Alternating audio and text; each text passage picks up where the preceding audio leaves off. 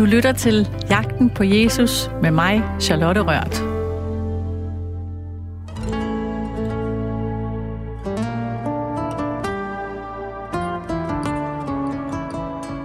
I Bibelen må der vel stå alt om Jesus. Så svært kan det vel ikke være. Læs den, og du kender ham, kunne man tro. Men det er ikke så let, skal det vise sig her i andet afsnit af Jagten på Jesus, hvor jeg går i bogen og i de evangelier, der kunne, måske burde have været med. Første del af Bibelen, det gamle testamente, er skrevet før Jesus bliver født, men til slut i det siger Gud. Se, jeg sender min engel. Han skal bane vejen for mig. Herren, som I søger, kommer med et til sit tempel. Pagtsenglen, som I længes efter, kommer, siger herskars herre. Lektor ved Aarhus Universitet, Else Kravlund Holt, har hele sit liv forsket i GT, som de skriftlærte kalder det gamle testamente. Er det Jesus, vi finder spor af i de gamle tekster?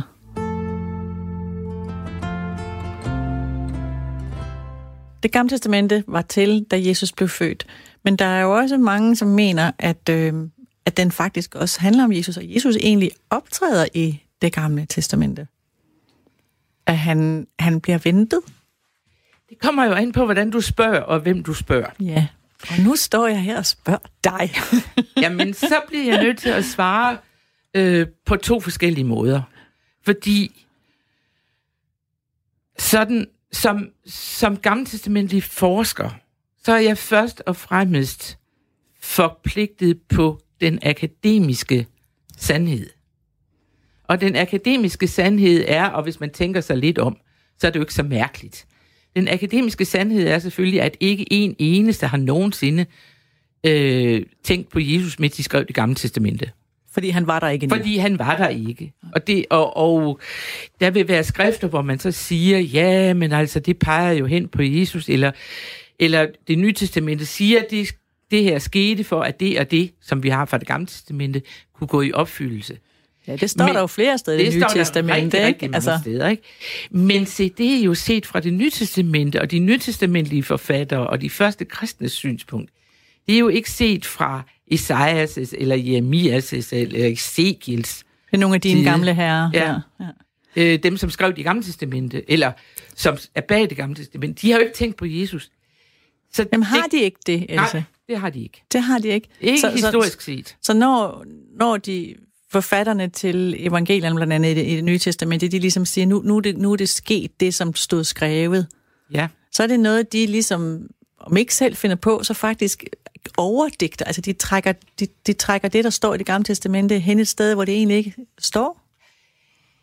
Så det lyder jo så brutalt, ikke? Jo, det gør det faktisk. Øh, og, jeg, jeg og mener det egentlig også ja, rimelig brutalt. Ja, men det, ja. du skal slet ikke tage det så brutalt. Okay. Fordi det er jo noget helt andet, der er på færre. Det, der er på færre, det er, at i det øjeblik, hvor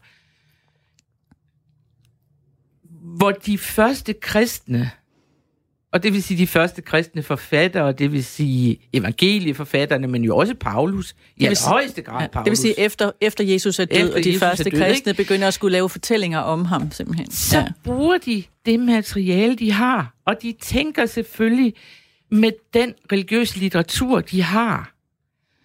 Og så siger de, åh, det var sådan, vi skulle forstå det. Ikke? Altså, mm. når, øh, når der tales om David og Davids søn og Davids efterkommer, jamen hvem er det så? Det er selvfølgelig Jesus. Ikke? Mm. Det er det, vi kan se er på færre i indledningen til Matteus evangeliet, som jo laver sådan en, en øh, en genealogi, en, hvad hedder sådan en stamtavle. Sådan en, et rent sporløs projekt, et, et han går i gang med. Projekt, ja. og, og, og begynder jo med David, ikke? Jo. Og så ender det med at vise, at Jesus er af Davids slægt. Det vil sige, at Matthæus, evangeliets forfatter, han trækker en linje fra David og direkte op, gennem alle slægtledene, op til Jesus. Det er noget, han gør? Det er noget, han gør. Så det er ikke noget, vi ved er rigtigt? Altså, man kan jo spørge sig... Nej, vi ved ikke, at det er rigtigt. Eller jeg ved det i hvert fald ikke. Øh, og jeg tror ikke... Og hvis ikke du ved det, Else, så er der ikke nogen, der ved det. Jo, jo, der kan jo være nogle nytestamenter, der ved det, men jeg ved det ikke. Øh, men, men det, jeg ved, det er, at de trækker en linje. Ikke? fra det gamle testamente, fordi de siger, det er gennem Jesus, at vi nu skal forstå det. Altså, Gennem- så de, de gennem- får, det får ligesom også, altså Jesus får jo autoritet af det her, ikke? Altså han hænger Det gør han, sammen med den virkelighed, som de også lever i, fordi han hænger sammen med den religion, de er opdraget i. Altså, men han fører dem videre. Ja. Ja. ja. Ikke? Altså, det, jeg synes, det er en, en, en væsentlig del af Jesus overleveringen, at han klarer sig godt i diskussioner. Næsten sådan i slagsmål. Øh, street fights, battling. Oratorisk battle, ja. ja. med, med, med skriftlært, ikke? Øhm, og det kan han selvfølgelig kun, fordi han altså har en eller anden øh, form for uddannelse, øh, formentlig gennem øh, synagogen. Vi Men, ved jo også, eller det fortælles også, at han kommer i synagogen, han udlægger teksterne, og de bliver skide sure, ikke? Fordi han udlægger dem anderledes, end de havde forestillet sig. Men, øhm. men jeg tænker på, hvis, hvis der står flere steder i det gamle testamente, at, at der kommer en, altså. Øhm, men, men har der været nogen før Jesus, øh, som det også kunne have handlet om?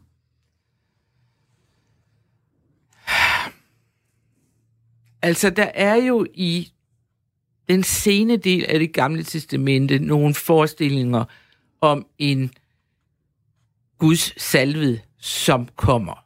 Og det er den forestilling om Guds salvede, som på hebraisk hedder Messias, eller Messiah. At, at denne Messias skal komme, og det er jo det, som man stadigvæk forventer i jødedommen, ikke? Det er, at der en dag kommer en Messias. Og det er Og- ikke, for jøderne er det ikke Jesus. Og det for er jo jøderne vigtigt er lige det at få det på plads igen. For jøderne Ja. er det ikke Jesus. Nej. For jøderne er det ikke sket endnu. Øh, for de kristne, for os som er kristne, er det sket. Så er Jesus Messias. Ja. Og så må vi sige, så har vi ret til at bruge den bibel, som var Jesus' bibel, til også at forstå Jesus. Men ikke som forudsigelser, men som noget, som det nye testamentes forfattere, og måske også Jesus selv, spejler sig i. Alt andet ville være unaturligt. Ikke? Vi, hvis du skal fortælle nogen noget, så bliver du nødt til at bruge et sprog, et billedsprog, en forestillingsverden, som ikke ligger alt for langt væk fra dem, du skal have til at høre efter. Og derfor bruger Jesus, og derfor bruger evangelisterne og Paulus, så bruger de sprog og billeder øh, fra det, vi kalder det gamle testament. Og lige sådan kan vi jo se, at fortællingerne om Jesus' øh, lidelse og død på mange måder bruger forestillinger fra de gamle testamentlige klagesalmer. Øh, der er rigtig mange, øh, der ved, at øh, Jesus sidste ord på korset ifølge øh, evangelielitteraturen er øh, ordene, min Gud, min Gud, hvorfor har du forladt mig? Og det er indledningen til en af de mest mørke og klagende salmer i det gamle testamente, nemlig salme 22. Og det vi skal tænke på der, det er også, at den måde, som man, som man fortolker på i intellektuelle krise i den periode, altså omkring Jesu fødsel og de første par århundreder efter, det er netop at se, ikke hvad betyder ordene sådan, som de er skrevet, men hvad betyder de, når vi fortolker dem, når vi giver dem en, en fortolkning, der går ind i vores liv. Så det er ikke svindel. Det er Nej. bare et spørgsmål om at fortolke. Men jeg tænker også, at vi ved jo ikke, altså vi kan jo aldrig vide, om Jesus har sagt det, eller om det bare er skrevet ned, øh, at, at, at, at, at det er sådan, han har sagt det. Men der er jo en, den konsekvens, der er af, at evangelisterne har brugt de samme ord, som man også bruger om almindelige mennesker, er vel også et pædagogisk, øh, hvad skal man sige, værktøj til at få Jesus til at fremstå som et menneske ligesom os andre. Han taler jo også med Gud. Ja. Og, og, og det gør han vel også for at lære os, at vi godt kan tale med Gud. Ja, det har du jo fader vor. Ikke? Ja. Det er jo direkte. Det er, han, ja. Det er den eneste bøn, faktisk, Jesus siger, i hvert fald det er skrevet ned, at han siger, vi skal lære, og den er jo direkte henvendt til hans far. Ja. Ja, og til, Men, og, og, og det er jo den, der siger, at vi har også lov at sige far. Ja, til ham. Ja. Ja. Altså sådan her skal I bede, Ja. siger Jesus ifølge evangelisten. Ja, ja, ja. Det skal vi jo hele tiden huske på, og vi, vi, vi, ikke? vi skal hele tiden lige træde et skridt tilbage, og det er jo det, der er så, synes jeg også, når man ligesom, som jeg prøver her at gå, at, at gå på jagt efter, hvem, hvem Jesus øh, er, så, så skal man hele tiden minde sig om det, for man kan virkelig godt fortabe sig i, at når her kan man jo læse det i det gamle testament og det nye testament, og det kan man jo ikke. Man skal hele tiden minde sig selv om, at det er på anden hånd. Altså, nu må vi lige... Og der er en grund til, at tingene er skrevet, som de er.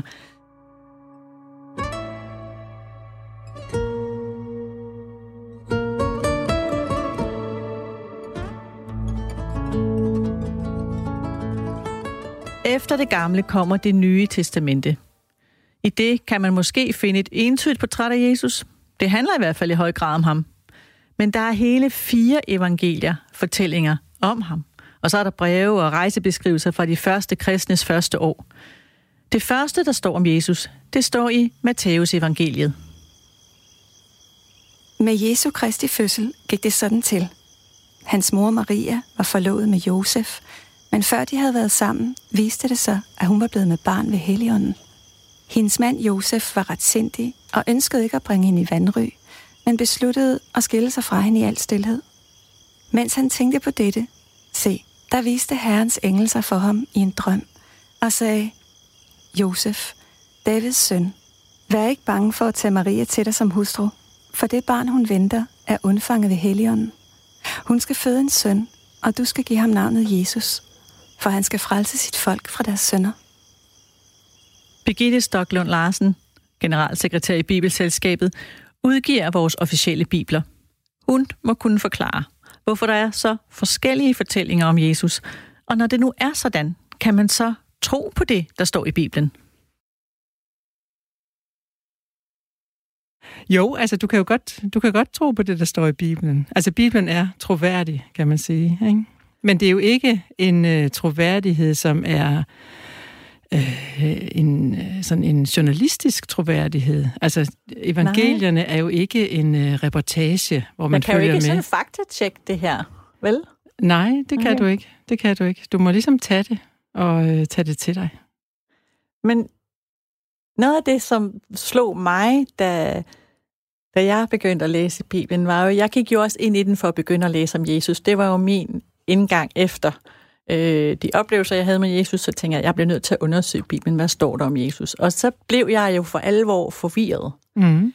fordi der står øh, i det nye testamente, er der jo fire evangelier. Der er faktisk fire historier om Jesus, fire forskellige udgaver af ham. I to af dem, i øh, Lukas, Matthæus, der, der bliver han ligesom Jesus, når han er født. Altså, den, det er ligesom, der han fra, han er spæd.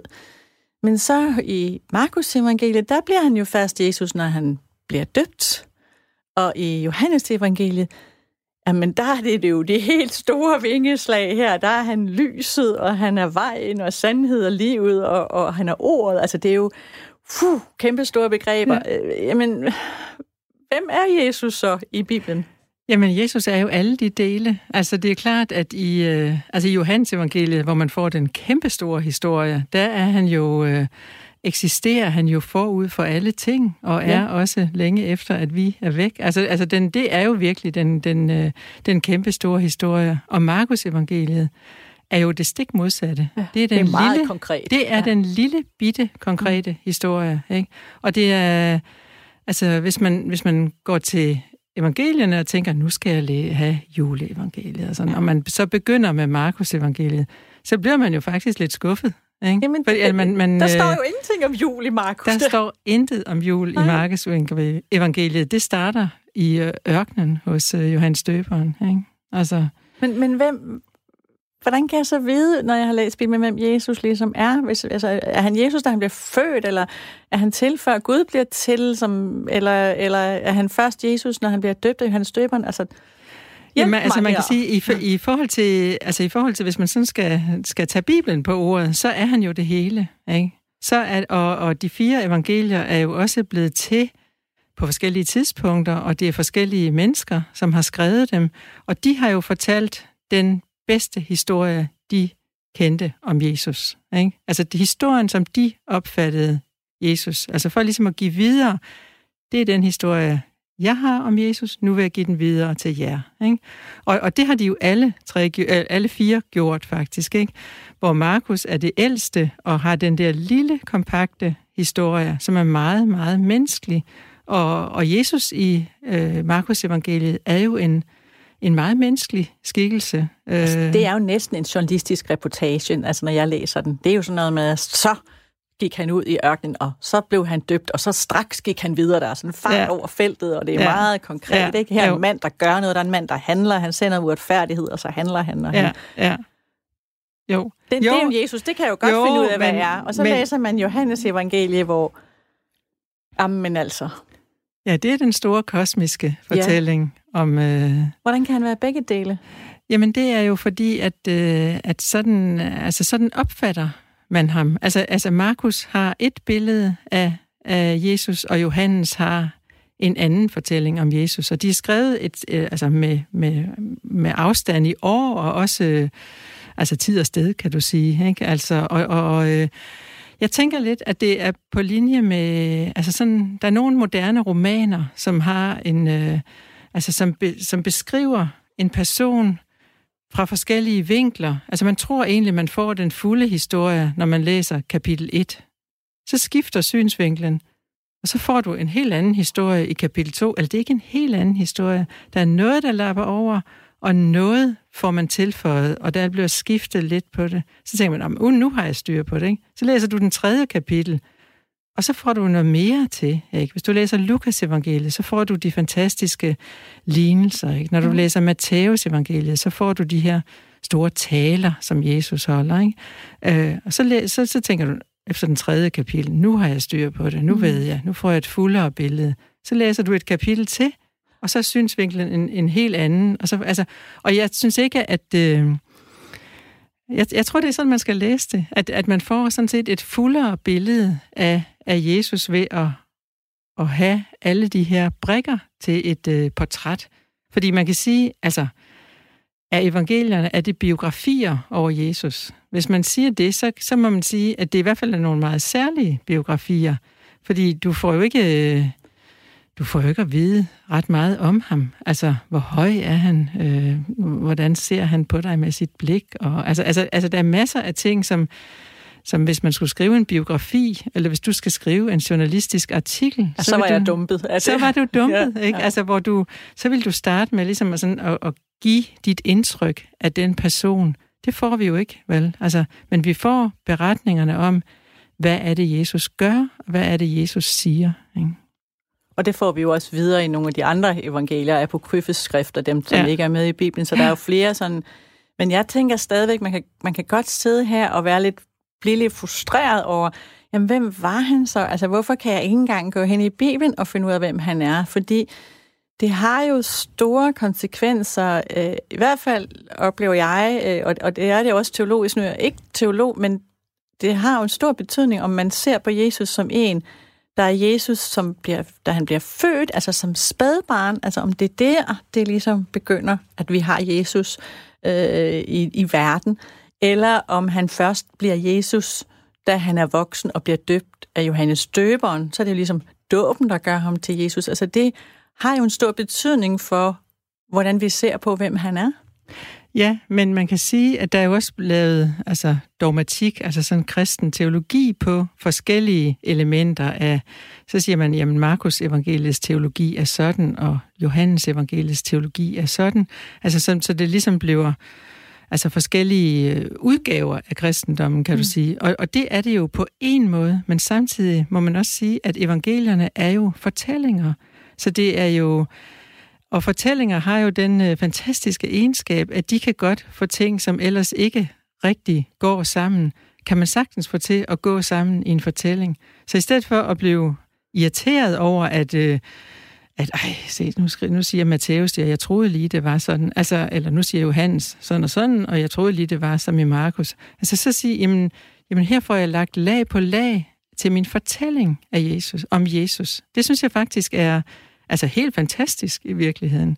Altså, der har jo været gjort forsøg på op igennem historien at lave sådan det, man kalder en evangelieharmoni, ikke? Altså, hvor man ligesom sætter en redaktør til at sige, nu skal vi have, nu skal vi lige have styr på Ja. Jesus her. Nu skal vi have det ind i et Excel-ark, Nu skal vi have det ind i et, ja, Ja. altså i hvert fald i en, øh, så man ikke får de der sådan små variationer, men, men får hele historien, og så får du både altså øh, forud øh, eksistensen og i ørkenen og talerne og lignelserne og det hele Så, muligheden. så vi ikke? får en en biografi om Jesus, så- så der er styr på det. Ja. Ja. ja, så der er styr på det. Lykkedes det? Øh, jamen, man har jo lavet nogle øh, op gennem historien, men jeg synes på en måde, at det er, at det er egentlig mere kedeligt. Fordi at du får jo øh, meget mere øh, øh, dybde i Jesus-billedet, når du har øh, forskellige øh, stemmer, der taler. Øhm, og som også, altså, jeg tror, altså, når man bliver ældre, så er det jo også sådan, at så får man, øh, så læser man på en anden måde, end man læser, når man er yngre, ikke? Og at nogle af de ting, man, øh, man synes var helt fantastiske, da man var ung og læste, det er vel også øh, det samme med romaner. Man kan vende tilbage til en, en roman og sige, holder den stadigvæk? Og nogen, det viser sig, ja, de holder fuldstændig. Andre kan man slet ikke forstå, hvad man så i den. Eller man ser nogle helt nye ting. Ikke? Og det samme er jo med, med Jesus. Altså, øh, at, øh, at når man er barn, så tror jeg, det spiller en meget stor rolle, at der er de der fortællinger om Jesus i templet som 12-årig. Ikke? Fordi det kan et hvert barn sætte sig ind i det der med, Nå ja, så står han der, og han ligesom om han er hjemme, og han fortegner og fortæller for alle de kloge mennesker der. Ja, sært barn, eller hvordan man nu... Altså, det kan man er relatere lille til. gammelt klogt barn. Lille Ja. gammelt klogt barn, Ja. ja. ikke? Og, og, øh, og, og, og når man bliver ældre, så er det jo ikke, altså, altså, så er det jo ikke Jesus i templet, man identificerer sig med. Så kan det være, øh, ja, så kan det være Jesus, som øh, der begynder sin virksomhed, eller Jesus, som ikke bliver anerkendt i sin hjemmeegn, eller det kan være andre personer i den bibelske historie. Maria er jo også et, et, øh, en bibelsk person, som man kan øh, relatere til. Ikke? Men man kan jo godt få den tanke, øh, at når nu der bliver skrevet så forskelligt om ham, så er det jo nok fordi, at øh, det er noget, de hver især har formet. Altså en person, de har skabt i deres billede, de her historiefortællere. Jamen, det, der er der også personlige, altså et, en, et, pers, en personlighed i den, i, den, øh, i den måde, evangelisterne fortæller øh, historien på. Men samtidig må man sige, at der er jo ingen fortællinger, vi ikke har, uden at der er nogen, der har fortalt dem. Vel? Mm. Altså, og det er, ligesom, det er ligesom vilkåret for at have en, øh, en, øh, en fortælling, det er, at nogen fortæller den. Og så er der heldigvis fire evangelister, der har fortalt historien om Jesus, så vi kan læse den i dag. Og som du siger, så er der jo flere, fordi der er også øh, de, de øh, fortællinger, der ikke kom med i Bibelen. Ikke? Men, men de har jo ikke været sammen med ham. Alle sammen. Altså, de har jo ikke... Nej, altså, men det er du kan jo også godt for, førsteholdsbeskrivelser. nej, men du kan jo også godt fortælle øh, historier om din øh, bedstemor eller oldemor, selvom du ikke har mødt hende. Eller, øh, altså, der, er, der er fortællinger, som er så stærke, så de, øh, de ligesom bliver overleveret fra, fra mund til mund, kan du sige, ikke? Øh, eller fra mund til øre er det jo. Øhm, og at man kan jo se, at der er jo virkelig nogle stærke øh, træk i fortællingen om Jesus. Altså det, at han gør under, og det, at han taler, og det, han... Han Altså nogle fælles er nogle fælles træk. Ja. Det er jo ikke sådan, at du ikke kan genkende Jesus fra øh, Markus evangeliet til Lukas evangeliet. Men der er jo nogle stærke træk, og der er også, altså der er jo også nogle, øh, nogle Jesus-ord, som, som er, har- har været så stærke i traditionen, så det, dem skal man have med for at få, øh, for at få historien om Jesus. Og det, det siger jo noget om, at det er, øh, ja, at det er, en, det er en historie, der er blevet givet videre, og så fortæller man altså det bedste, man har lært. Ikke?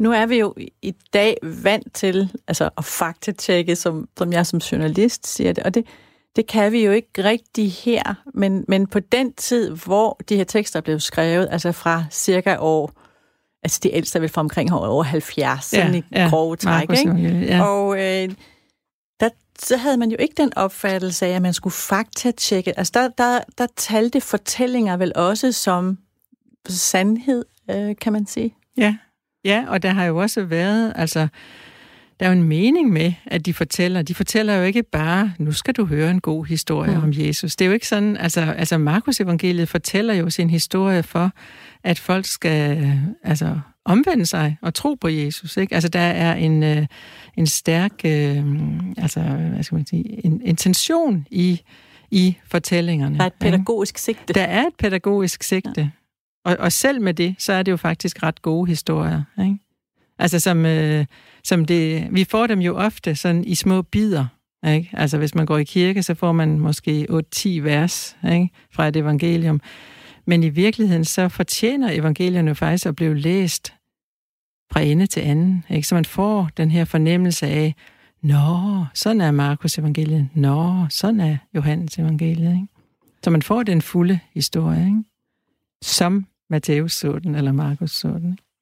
Jo, og grunden til, det er jo så vigtigt at tale om det her, når man taler om Jesus, det er jo, at de forskellige fortællinger om Jesus giver jo baggrund eller validitet til nogle to forskellige kristne trosretninger, som har afgjort utrolig meget i folks hverdagsliv. Altså, øh, hvordan de ser på andre, om de vil have kvindelige præster eller ej, øh, øh, hvad giftermål er, hvad homoseksualitet er, men også over i nogle kontante, sådan konkrete hverdagsting, altså hvad med, med helbredelse øh, øh, og med så jeg tænker også på Martha og Maria. Det er godt, at man både er den, der gør mm. en masse Martha, og den, der sidder stille og lytter og, og fordybet som Maria. Det er jo sådan en konflikt, jeg i hvert fald kender fra mig selv. Så der er jo også en masse meget konkret hverdag, og derfor bliver det jo vigtigt, øh, at der er så forskellige fortællinger. Men kan der også, og det, og det kan godt være, det lyder helt banalt, men kan der også være en pointe i, at der netop i Bibelen er så forskellige fortællinger? Altså, er det, kan det i sig selv også lære os noget, Birgitte? Altså, det er jo i hvert fald et... Øh, altså, hvis man ligesom sådan tænker, Bibelen siger... Ja. Bam, ikke? Bam. Altså, og, og så er det, så er det ligesom, nej, nej, nej, jeg ved, ja, altså, at, at, at så, sådan er det. Og så, der må man jo bare sige, at det, der er Bibelen i virkeligheden rigtig dårlig til at sige det, fordi at der, der er fire evangelier, som fortæller historien om Jesus, men fortæller den på hver deres forskellige måder. Og man kan sige, at det er, det er meget, meget svært at være fundamentalist, når man giver sig til at læse i Bibelen, fordi der er så mange forskellige variationer over, de samme, øh, øh, over det samme tema. Har der været en, en mening med, at den er så åben, som du siger? At man bliver nødt til hele tiden at arbejde med den, bliver nødt til hele tiden at tage stilling til den? Altså, jeg, jeg synes jo, det er en fordel, at den mm. er så... Øh, altså, så øh, fordel, så, hvordan? Jamen, at der, at, at der er den her store mangfoldighed. Ikke? Altså, man har jo ligesom kanon, det er de her tekster. Altså, det er dem, der ligesom blev øh, optaget i Bibelen. Og hvad er så fælles, øh, altså, hvad er det, hvad er kanon? Jamen, det er i virkeligheden mangfoldigheden, der er mm. kanon, ikke? At du kan finde, også i det gamle testamente, kan du jo finde skrifter, som, øh, som simpelthen altså, siger det stik modsatte af hinanden, og man skal ligesom have det hele, have det hele, det hele hører egentlig hører, hører med. Og jeg synes jo, at det er, øh, altså, den kristne Gud er jo også en kompliceret ting, ikke? Vi har faderen, sønnen og helligånden, ikke? Ja, han er også delt op. Han altså, er det, også delt op, ikke? Altså, du kan ikke... Og hvis du tager den ene del, altså hvis du kun vil have faderen, så kan det godt blive meget fundamentalistisk, ikke? Hvis du kun tager sønnen, så kan det godt blive sådan lidt øh, moralsk. Ikke? Jesus var det gode menneske, og vi skal gøre være lige så gode som Jesus. Ikke? Hvis du kun tager helligånden, så kan det godt blive lidt for flyvsk og, øh, og luftigt. Ikke? Men når du har Øh, der er en, der har, der har formuleret treenigheden sådan, at det er faderen og sønnen, der taler sammen i helligåndens sprog. Ikke? Og det synes jeg egentlig er fint. Det er, det er jo det er jo mystisk, kan du sige, ikke? Men samtidig er det også øh, meget dynamisk, ikke? Du ender ikke med en, øh, en entydighed, men, men tværtimod, kan du sige, alle de modsigelser og, og ting, der strider i vores liv, jamen dem kan man faktisk, øh, altså, dem, det er jo fuldstændig, som det er i Bibelen, ikke? og med Gud. Men det er jo med Jesus, øh, det som, som virker berørende på mig, eller bevægende på mig, det er jo, at, at han er et menneske. Altså, når man læser om ham, så læser man om et menneske, der levede på et tidspunkt og gik rundt øh, som vi andre, øh, lidt måske noget andet tøj, men han, han gik rundt og var et menneske med, med hænder og fødder og, og hår, ligesom som vi andre. Mm. Og at han så samtidig også er helt Gud.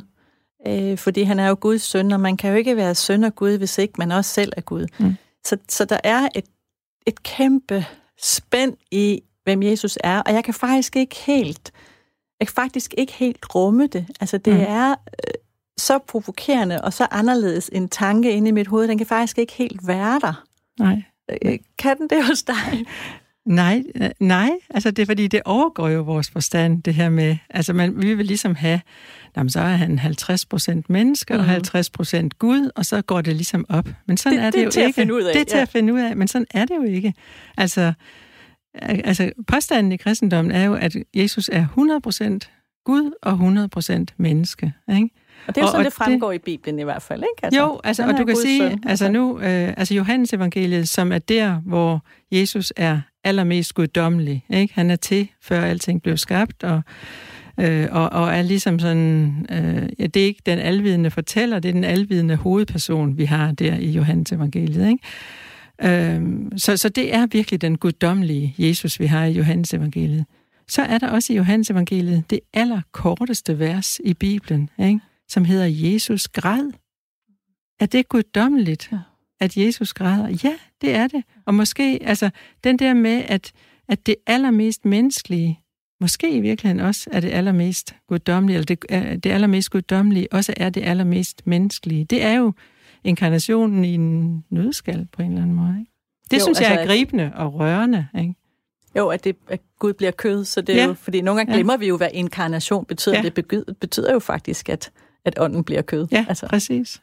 Det bliver til krop. Ja. Nu, nu, nu og står... det er da enormt provokerende, at Gud er en af os. Ikke? Det er da helt vildt provokerende. Om helt vildt, fordi så er han jo også en af de andre, og så, det altså, det. så bliver det næsten ikke til at rumme, at Nej. han skulle... Nej. Altså, så bliver man jo i den, hvis man ser sådan på det, så bliver man jo så også Jesus søskende. Ja. Og den, den tanke, synes jeg næsten er endnu sværere at rumme. Ja. Altså, så der bliver nogle tanker, hvor man støder ind i grænserne for sit eget intellekt, synes jeg. Ja, altså, ja. Eller fantasi, eller ja. forestilling, hvad, hvad man nu vil kalde det. Og de dummernækser, man, man, man ikke kan lide, ja. det er også brødre for hvem herren er død, som der ja. står, ikke? Altså det... Ja, Gud bevares, som det ja, ja, men sådan er det jo, ikke?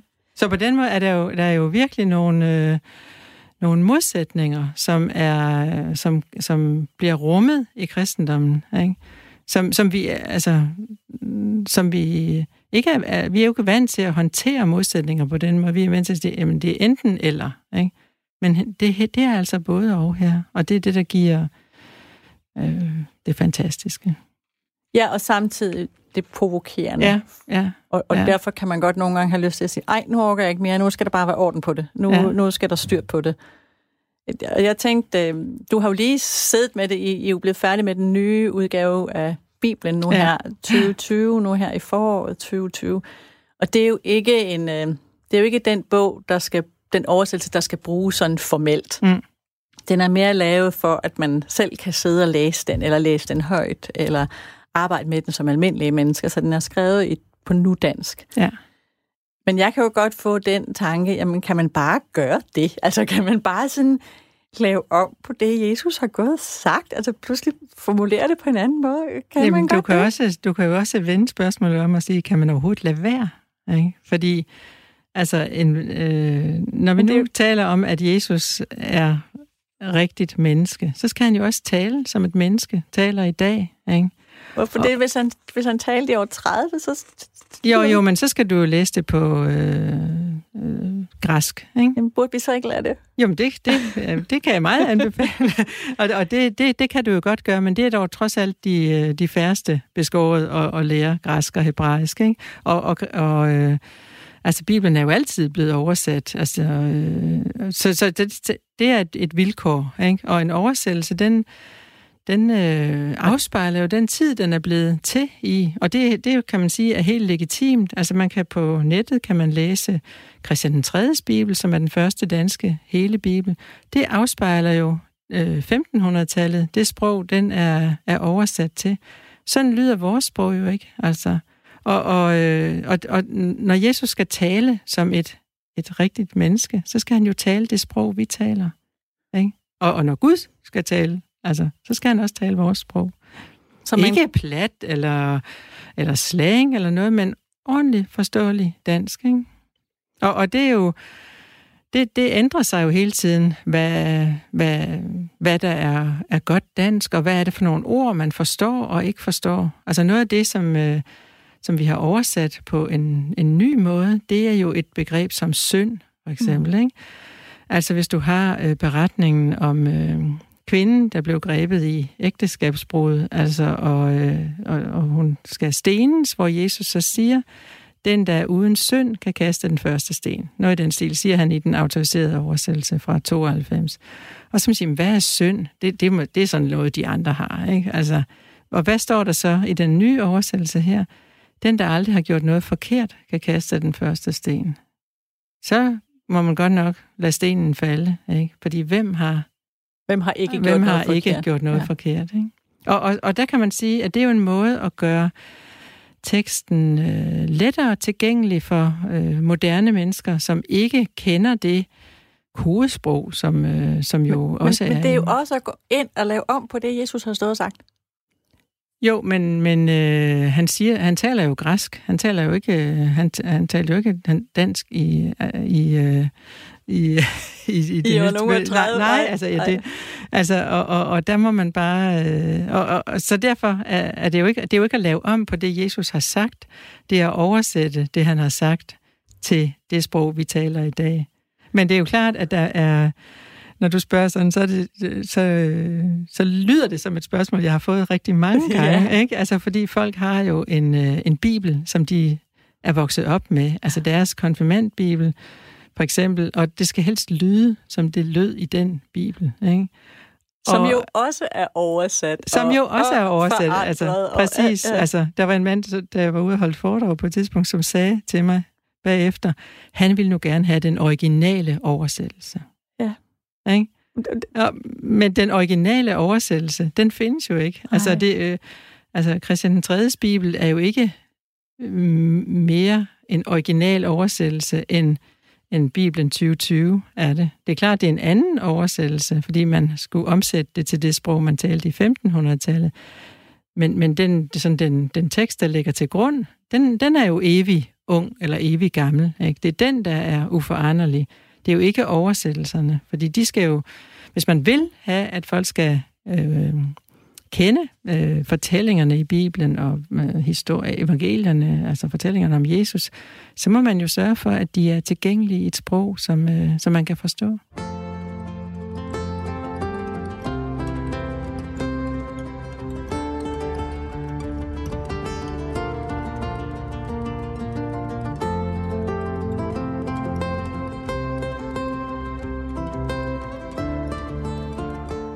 Er du mor til det her barn?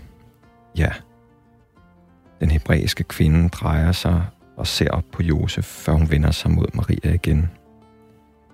Du er ikke som Evas andre døtre. Maria ser direkte på den hebræiske kvinde. Kvinden holder tasken med bær frem mod Maria.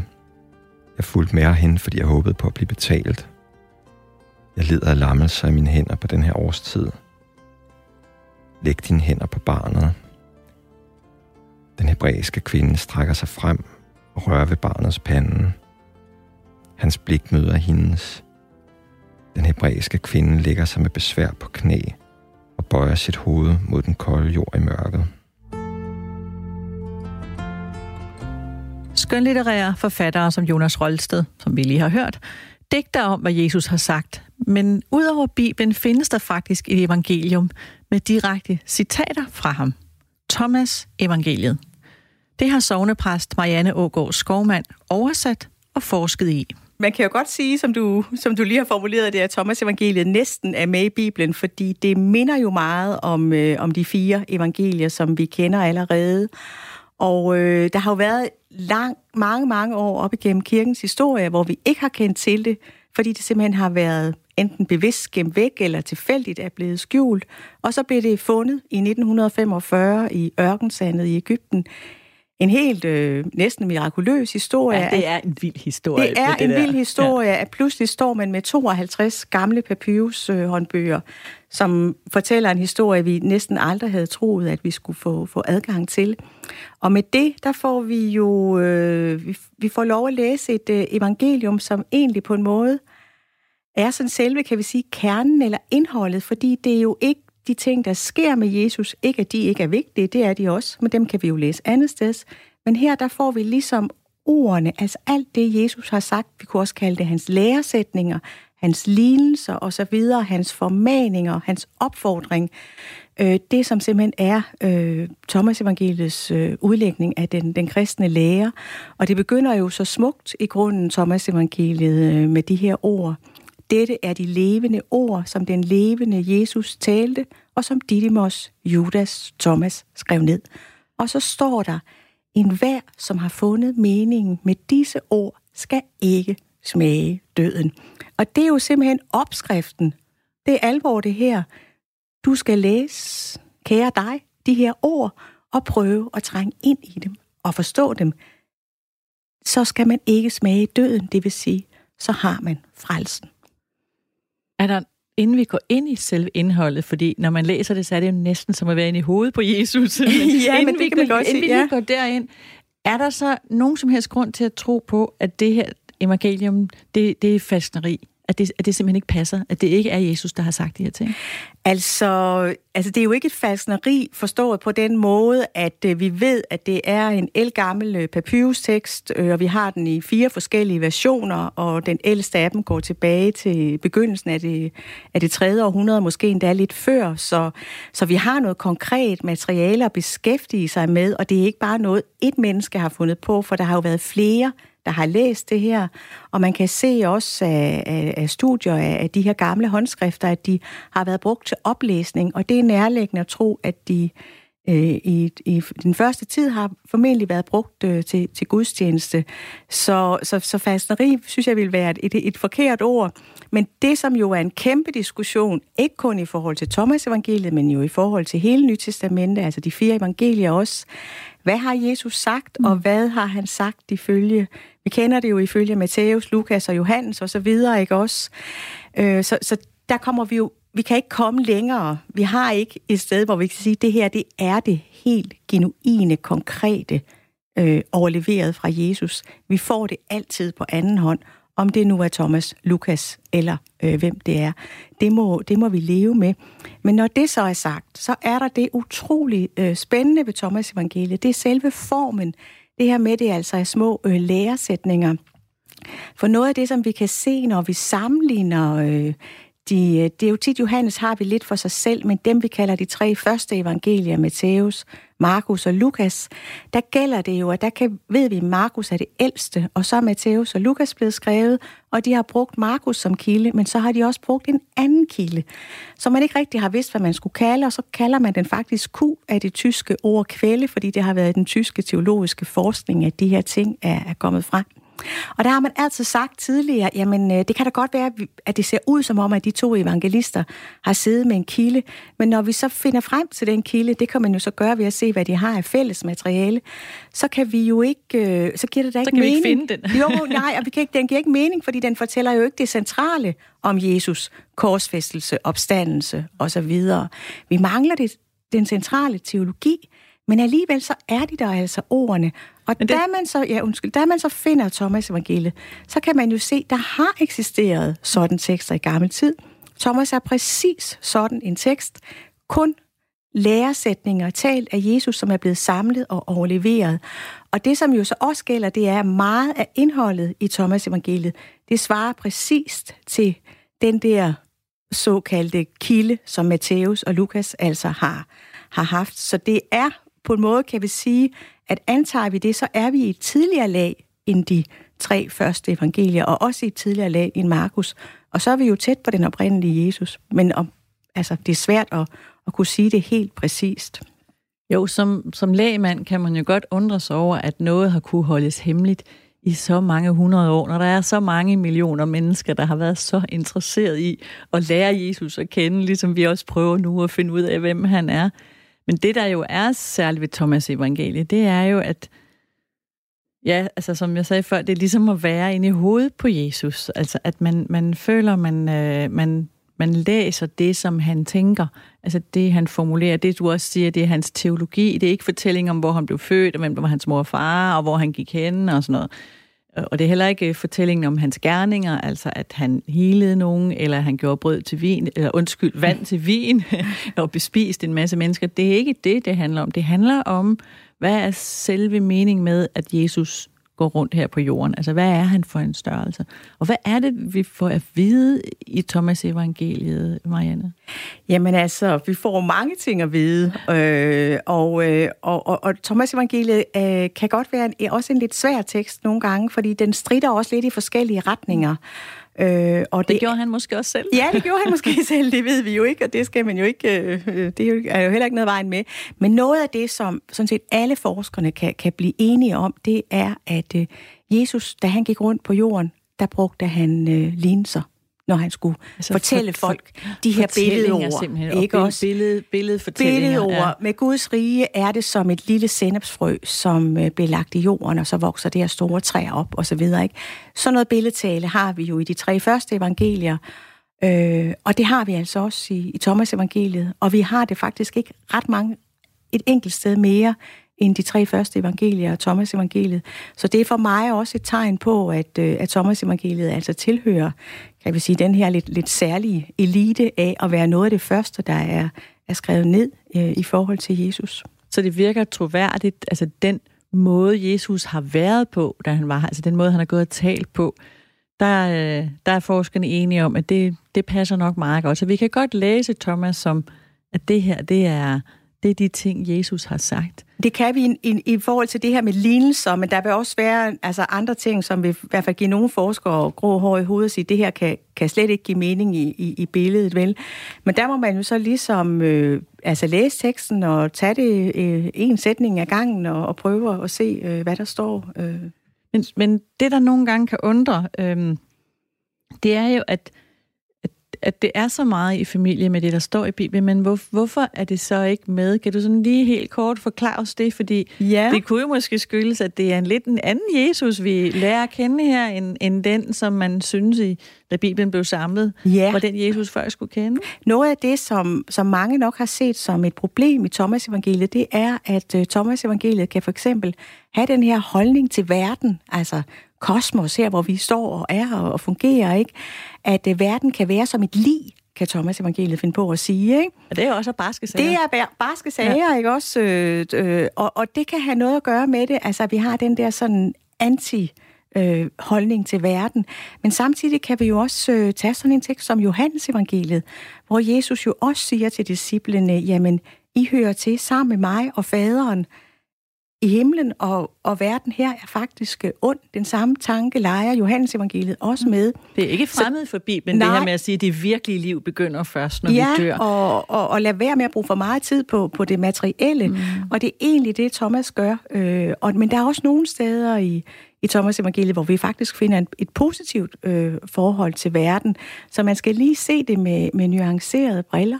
En ting, der også kunne have Jamen, været... Han er lidt svær at få styr på, ham Jesus, synes jeg faktisk. Han er svær at, at få styr på. En ting, som jeg selv synes er spændende i Thomas evangeliet, det er jo, at, øh, at vi hører jo ikke kun det her med, at Jesus han øh, kommer med sine læresætninger. Vi hører jo også, at disciplene spørger ham om noget. Og der sker jo så det i Thomas evangeliet, at øh, der er jo kvinder, der er. Maria Magdalene, og der er hende, som hedder Salome, at de stiller spørgsmål til Jesus. Og det spændende, det er, at de spørgsmål, de stiller, det er også nogle, der handler om, hvordan er det? Hvad er en disciple? Hvordan er det at være disciple? Og det kunne jo godt give os et uh, fingerpege om, at selvom vi jo godt ved, når vi har læst øh, i vores øh, kanon i Bibelen, at øh, disciple, det var altså 12 mænd, jamen der har sørme også været kvindelige disciple, og de har været der på lige fod med mændene, og de har også stillet spørgsmål til Jesus. Men da Jesus var døbt, steg han straks op fra vandet, og se, himlene åbnede sig over ham, og han så Guds ånd dale ned ligesom en due og komme over sig. Og der lød en røst fra himlene. Det er min elskede søn. I ham har jeg fundet velbehag. For nogen er Jesus ikke en, man tror på eller læser om i en bog. Nogle af os har mødt ham face to face. Det har jeg, og det har journalist Jesper Borup. I sin lille stue på Vesterbro i København. Hør ham i næste udgave af Jagten på Jesus. Bibelcitaterne fra det danske bibelselskabs autoriserede oversættelse fra 1992 var indlæst af Freja Møller Sørensen. Jonas Rolsted læste højt fra sin egen roman Organe Remain, forlaget Gladiator 2018.